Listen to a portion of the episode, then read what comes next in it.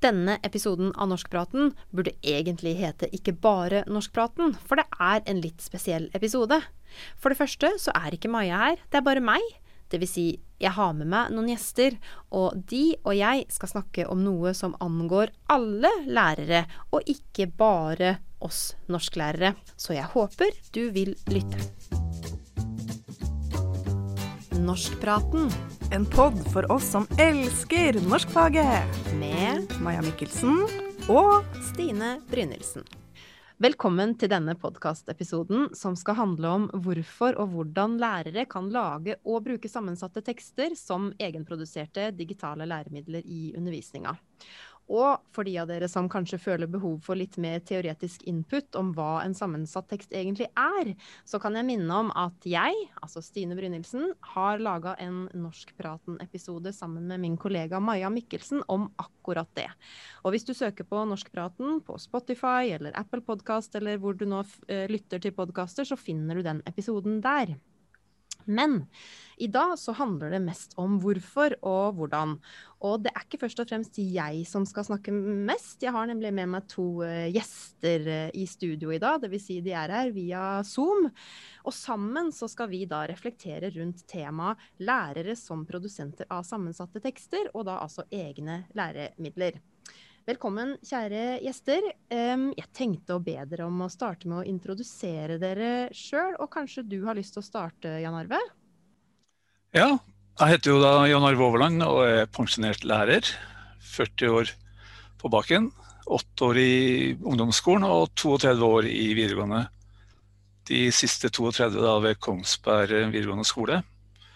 Ellers har jeg jobba med ulike oppdrag når det gjelder IKT og læring, både i departementet, direktoratet, og de siste fem åra har jeg jobba som pedagogisk veileder, rådgiver i NDLA, altså Nasjonal digital læringsarena, for å utvikle digitale læremidler i videregående skole. Ja. Og så har vi også med oss deg, Øystein. Gilje, vil du si litt om hvem du er? Det kan jeg gjøre, Stine, og tusen takk for at jeg får lov til å være med i denne podkasten. Jeg heter Øystein Gilje, er professor på Universitetet i Oslo, der jeg også er faglig leder av en enhet som jobber med forskning, innovasjon og kompetanseutvikling i skolen. Og det gjør vi i lys av en helt ny ordning som eh, setter skoleeiere og læreres behov først, nemlig hva vil de bli bedre på? Hvordan vil de utvikle kompetansen sin? På fagspråket så kalles det DEKOMP, eller den desentraliserte kompetanseutviklingsmodellen. Jeg har også som eh, Jan Arve jobba som lærer i ungdomsskolen, nesten like lenge som han. Og så har jeg jobba i NRK i noen år, og så har jeg vært på Blindern i 15 år. Og der har jeg jobba bl.a. med digitalisering, læremidler og det vi kan kalle multimodalitet, med et litt mer sånn internasjonalt begrep. Men som altså er sammensatte tekster, som vi nå skal snakke om. Nemlig. Og vi er også veldig veldig glad for at du ville komme på besøk i det digitale studiet vårt. Og jeg tenker også at før vi liksom starter sånn på ordentlig å diskutere, så er det akkurat det å presisere noen begrep. Du, du sa litt om det du nå, Øystein. fordi vi bør jo kanskje si for det første at vi snakker om digitalt sammensatte tekster. Sammensatte tekster er jo ikke et uh, fenomen som dukka opp de siste 10-20 åra. Det, det har jo funnet uh, lenge. Og så veksler vi også kanskje, eller kommer kanskje til å veksle mellom å snakke om multimodale tekster og sammensatte tekster som to typer, for enkelhets skyld, synonymer, da. Og så tenker jeg også at vi, vi knytter jo det her lærerens arbeid med sammensatte tekster til begrepet profesjonsfaglig digital kompetanse, og tenker at det er det her tosidige perspektivet med at læreren både skal utvikle sin egen digitale kompetanse, og at de også skal kunne legge til rette for at eleven både lærer og utvikler sin digitale kompetanse. Og det gjenspeiles egentlig litt i den strukturen, eller i hvert fall de to hovedspørsmåla som jeg tenker skal ligge til grunn for, for praten vår. Og det ene er jo da hvorfor skal egentlig lærere lage sammensatte tekster eller egenproduserte læremidler? Og hvorfor skal elever jobbe med eh, sammensatte tekster? Um, så kanskje vi skal starte med, rett og slett starte med det første først. da. Eh, Øystein, hvorfor skal lærere lage egne læremidler eller egne sammensatte tekster? Det er jo ingen eh, lov eller en del av forskriften som sier at de skal gjøre det, men eh, det er klart at vi ser jo at eh, hvordan lærere arbeider har endret seg ganske mye. Og en av grunnene til det er at lærere er blitt mye mer bevisste på hvordan vurderingen og undervisningen henger sammen. Mm. Vi må altså ha vurdering som avspeiler hvilke læringsprosesser læreren legger opp til når de lager undervisning. Mm. Og da er det jo et begrep som er ganske sentralt, og det er en, professor ved NTNU som heter Henning Fjørtoft, som kanskje har skrevet mest om på norsk, og det er baklengs planlegging. Mm.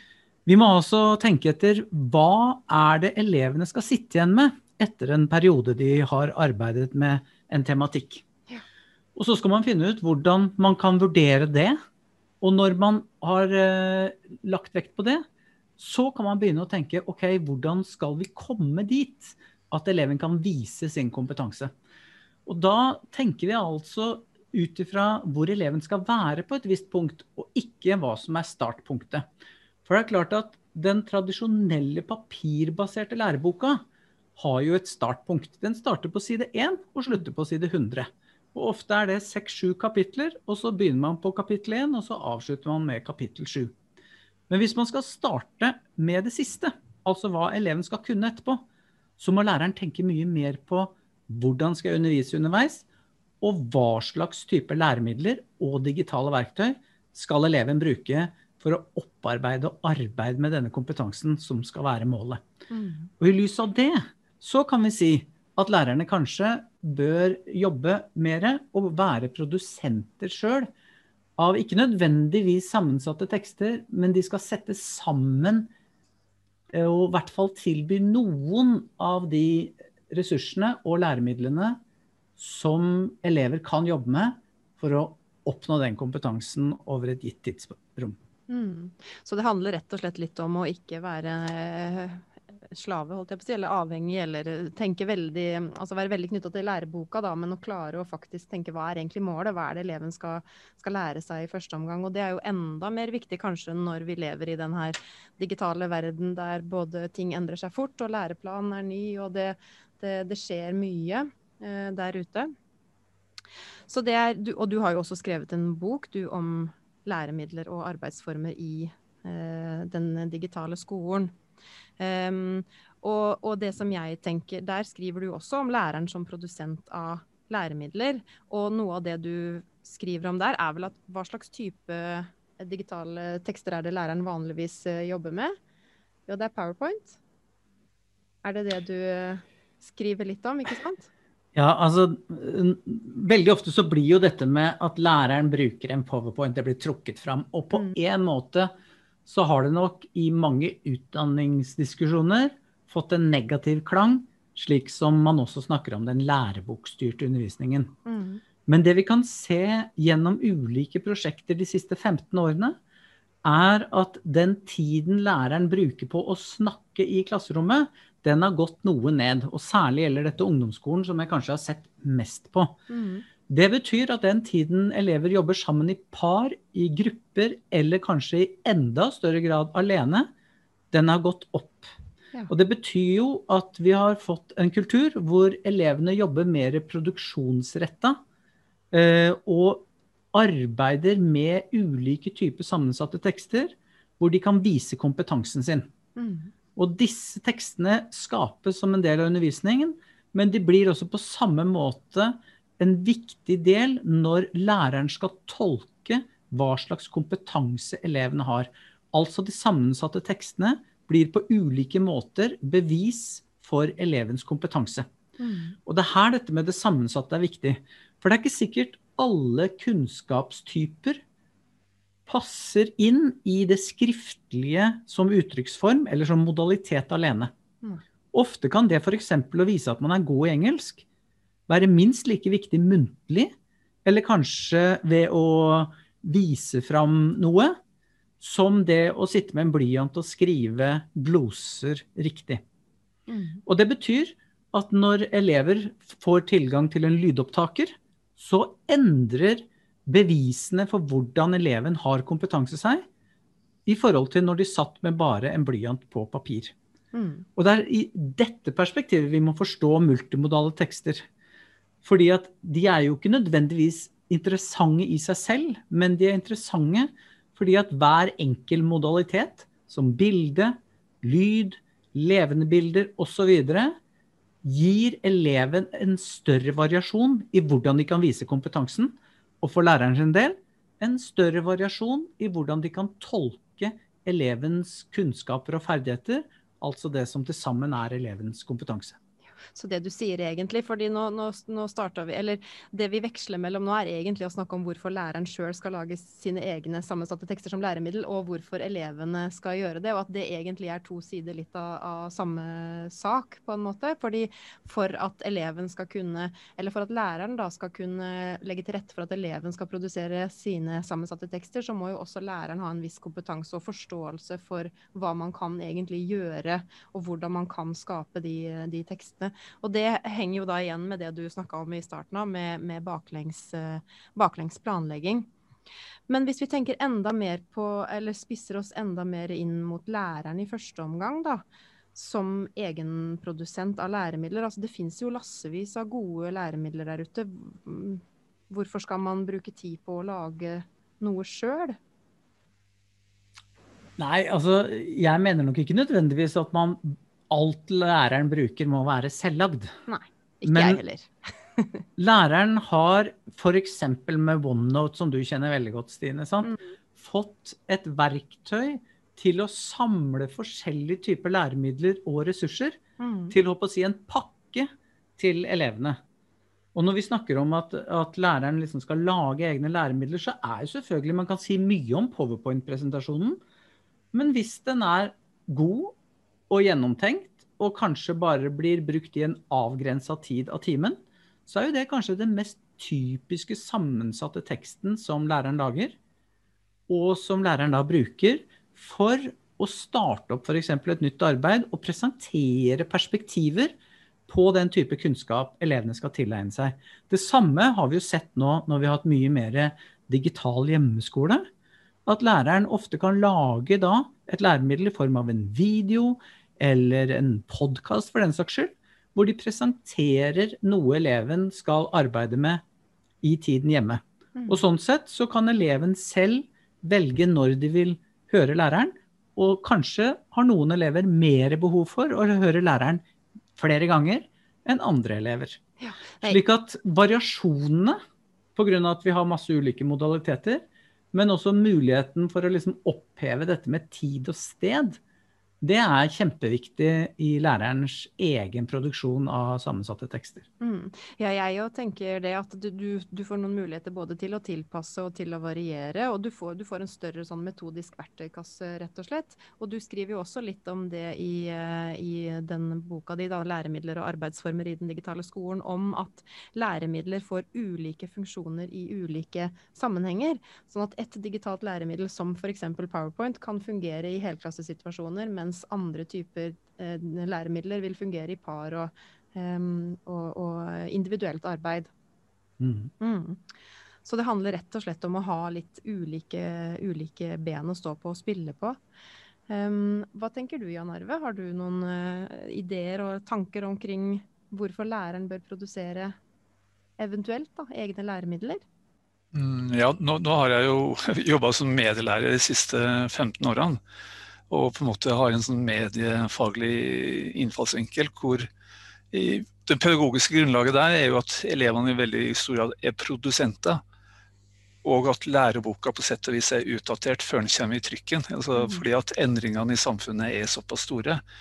Og vi medielærere blir veldig fort utfordra til det å lage og utvikle våre egne digitale læremidler.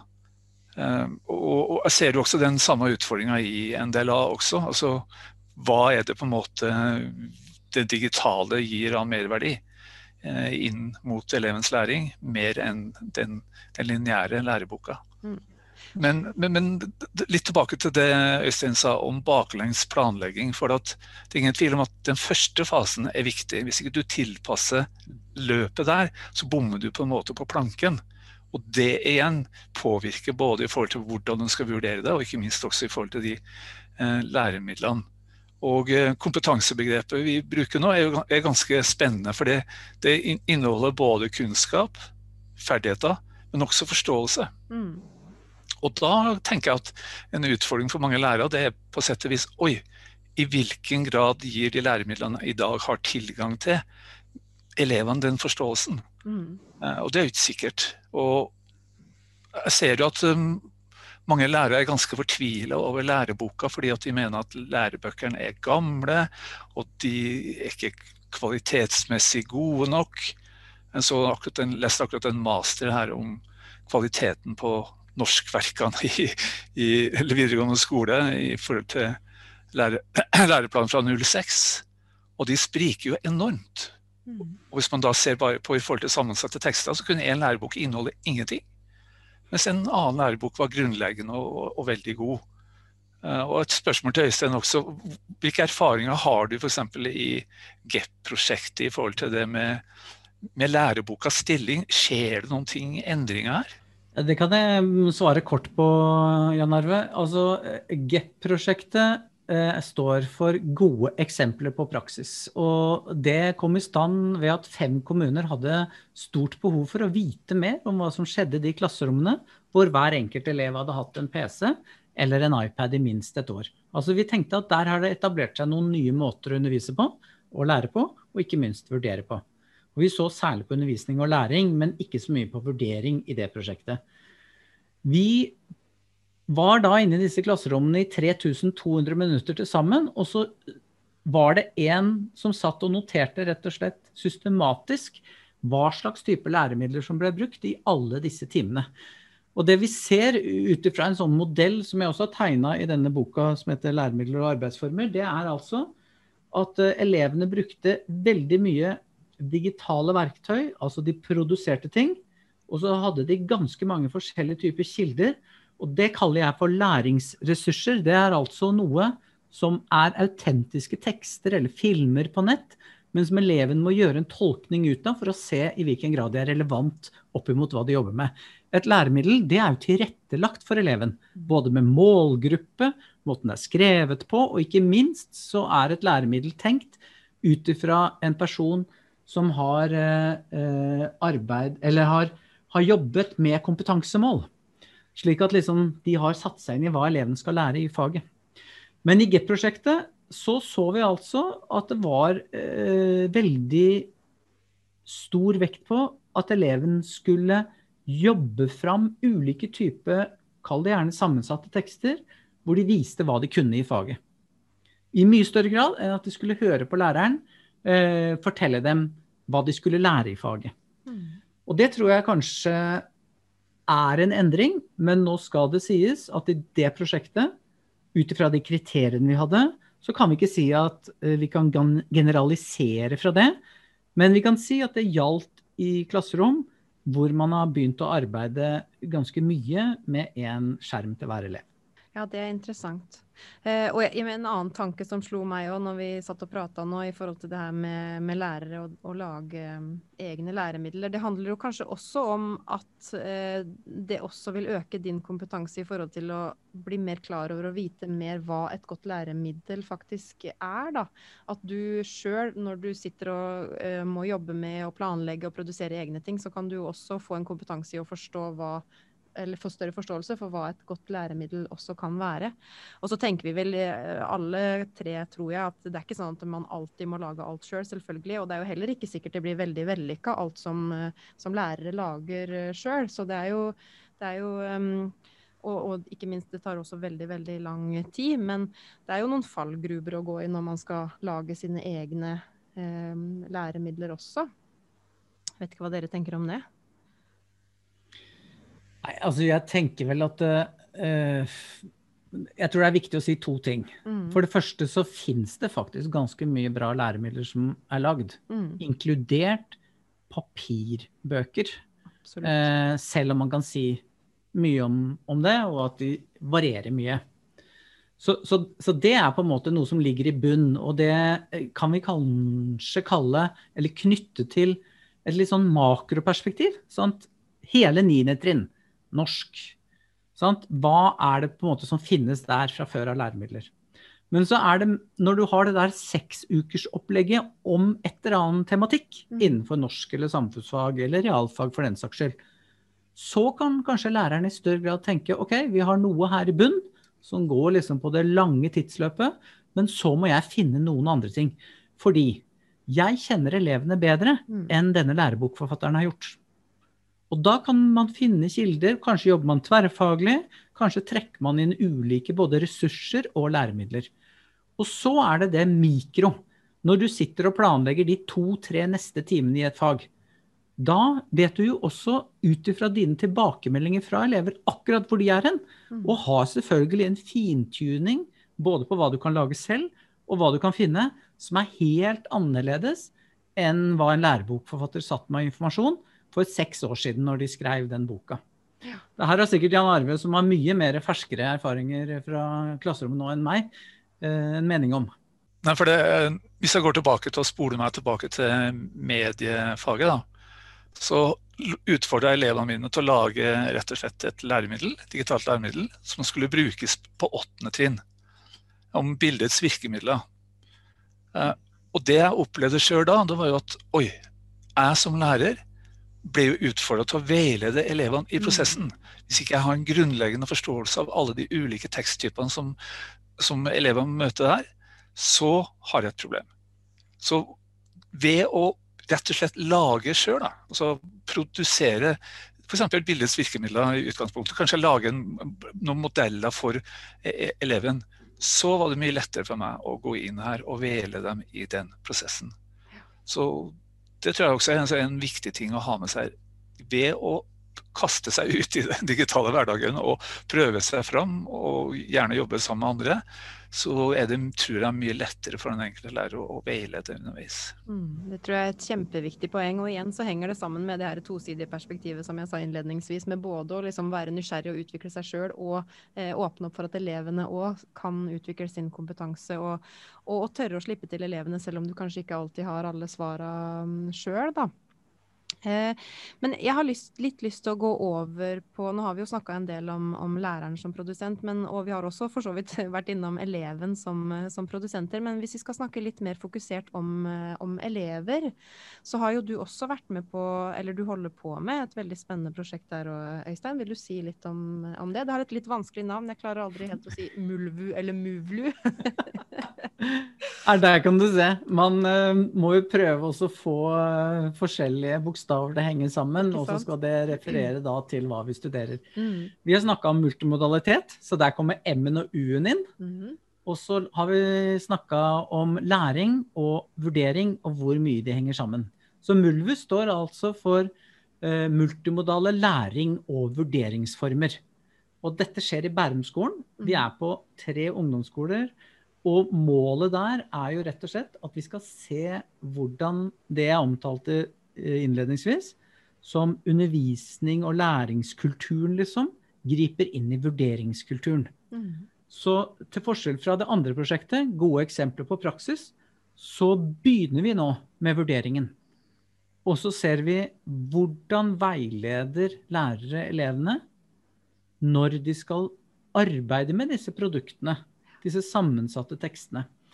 Og da har vi i den første delen, og det er den delen vi er i nå, så har vi da prøvd å forstå hva slags type tekster lager elever når de skal vise hva de kan. Ja, og hva, gjør, hva lager de da? Nei, altså de lager jo øh, Det er veldig sjelden de sitter og skriver med en blyant på et papir. Mm. De skriver som regel på tastaturet, og det er jo på en iPad da, på selve glassplata.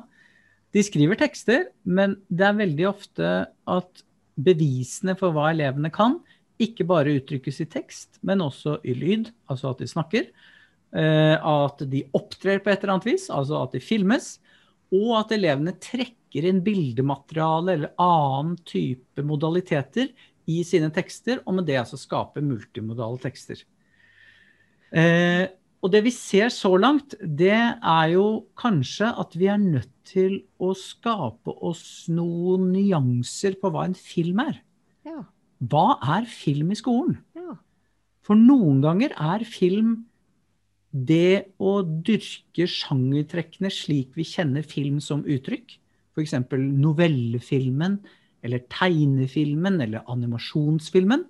Men andre ganger brukes altså teknologien video for å bare fange hva eleven gjør, når eleven blir bedt om f.eks. å regne en ligning, da kan jo eleven formulere hva de tenker når de regner. Så tidligere kunne læreren samle inn papirboka og se at eleven sirlig hadde ført ligningen på riktig måte og satt to streker under. Men det var jo helt umulig å vite hvordan eleven hadde tenkt eller kommet fram til det svaret. Nå kan altså eleven sende videoen når de sitter og regner, og forklare hvordan de tenker underveis. Og dermed kan læreren mye lettere fange opp misoppfatninger og lignende ting.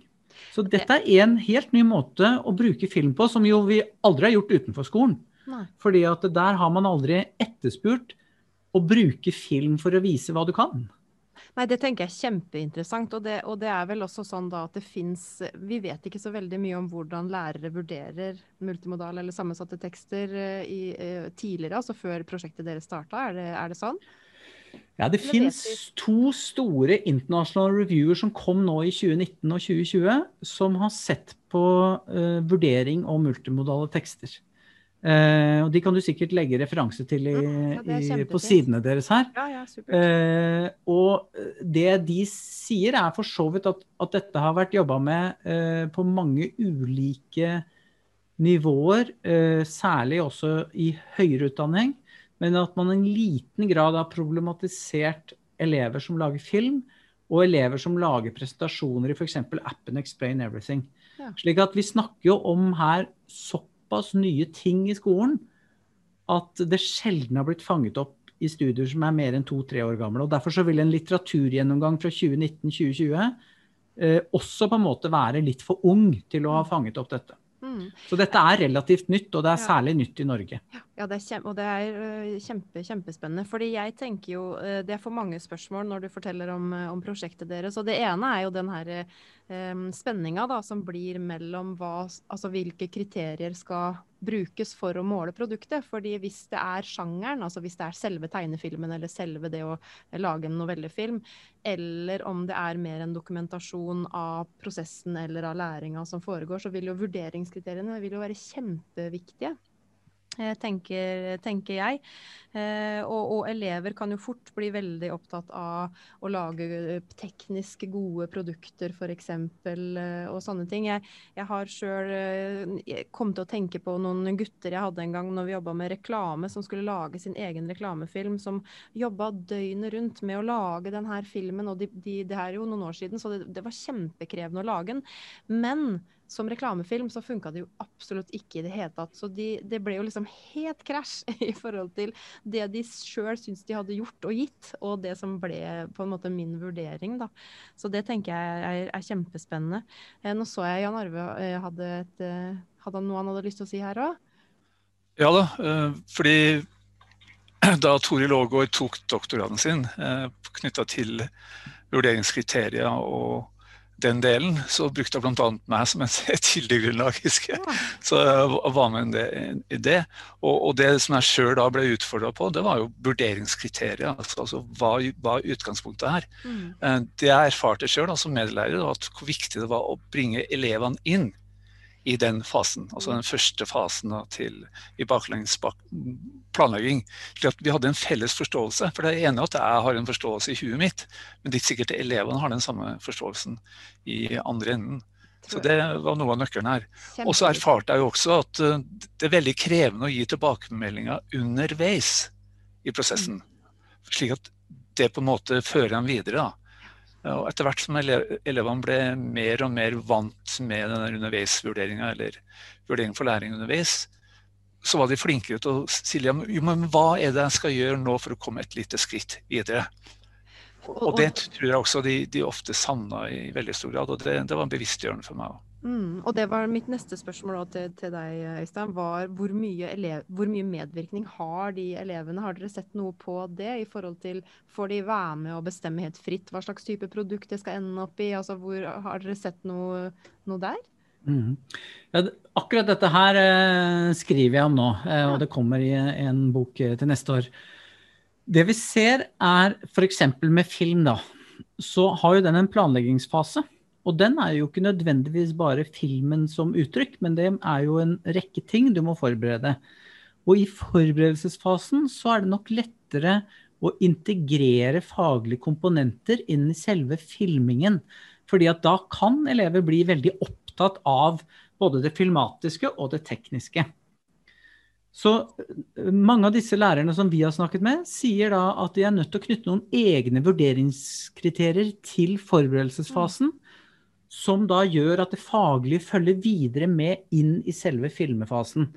Og så er det sånn som du nevnte, Stine, sant? noen elever som legger hele sjela si dag og natt i redigeringsfasen. Mm.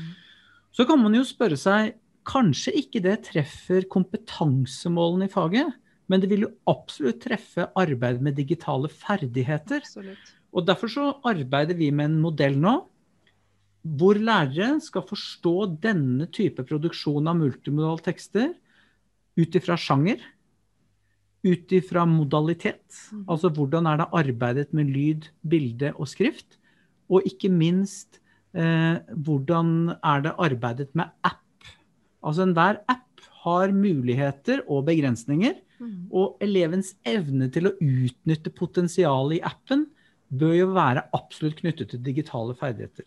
Så jeg tror at en rekke multimodale tekster som elever skaper, i større grad enkelt kan belyses ved at vi både arbeider med kompetanse og ferdigheter samtidig, og at lærere får en slags modell den ligner ikke helt på skrivehjulet, for det er mye mer komplisert på mange måter med mange flere elementer. Men det får en enkel modell for å tenke hva er det eleven klarer å uttrykke nå, når de skaper en multimodal tekst. Ja. Så da tenker jeg jo at multi, altså det, det, å både skape og vurdere multimodale tekster eller sammensatte tekster, må du jo se både opp mot faget i seg sjøl. Noen fag, sånn som norsk, har jo veldig tydelige kompetansemål retta til å produsere sammensatte tekster. Eh, og der, der, man også jobber kanskje enda mer med, med tekstsjangre og sånn, mens andre fag vil ikke ha de samme. Men uansett så har du jo grunnleggende ferdigheter som, som du også nevner, som er felles, uh, uavhengig av hvilket fag du jobber med. Men det å være tydelig på kriterier og det å ta med elevene inn i den fasen høres jo veldig, veldig viktig ut. Eh, vet ikke hva du tenker, Jan Arve? Jo, eh, men, men det mest interessante er jo at dere Øystein, har en plan om at alle de prinsippene og modellene som dere nå greier å hente ut her, at de skal videreformidles videre til oss lærere. For at dere ser tydelig at det er et stort behov. Eh, stemmer det at det er gjennom Utdanningsdirektoratet, eller har dere noen andre planer i forhold til det? Jo, dette prosjektet her har det fine ved seg at eh, det fra starten av har hatt med Utdanningsdirektoratet, og at det ligger en avtale der. Slik at det kommer da sånne kompetansepakker på Utdanningsdirektoratet sine sider, hvor lærere kan øve opp sin kompetanse knyttet til det å vurdere eh, multimodale tekster.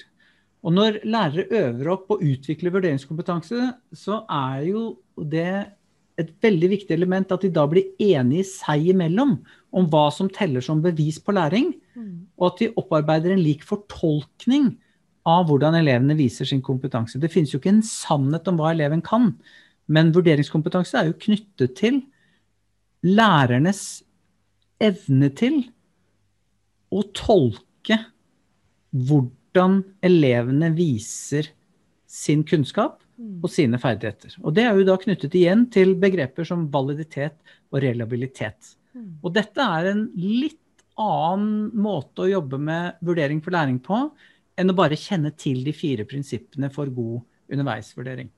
Slik at vi tror med dette prosjektet at vi både sier noe viktig om multimodalitet i norsk skole, men vi prøver også å trekke læreres vurderingskompetanse ett skritt videre fra den forrige store satsingen på vurdering for læring. Da tenker jeg at det begynner å nærme seg en avrunding, jeg da. Eh, da har vi vært innom både Hvis jeg skal oppsummere det, så er det fremdeles eh, litt det vi, det vi starta med, med, med den her tosidige perspektivet som jeg har nevnt nå for, for, tredje gang. Men det handler jo om at lærere både må ha kunnskap og ferdigheter sjøl om å lage digitale tekster, og de må la elevene sine få produsere tekster for å kunne vise kompetanse på ulike måter, for å, eh, for å ha vise sin fagkunnskap, men at vurderingskriterier er, er eh, viktige. Um, og um, så hadde jeg ett poeng til, men det forsvant eh, litt ut av hodet på meg akkurat nå. Hvis jeg kommer på det, så skal jeg si det. Men jeg tenker at vi har vært innom um, innom mange interessante aspekt ved det å jobbe med sammensatte tekster i, i undervisninga. Så jeg sier tusen, tusen takk for at dere ville være med, Øystein og Jan Arve. Tusen takk for at jeg ble invitert. Tusen takk, bare hyggelig. Norskpraten. En pod for oss som elsker norskfaget. Med Maja Mikkelsen og Stine Brynildsen.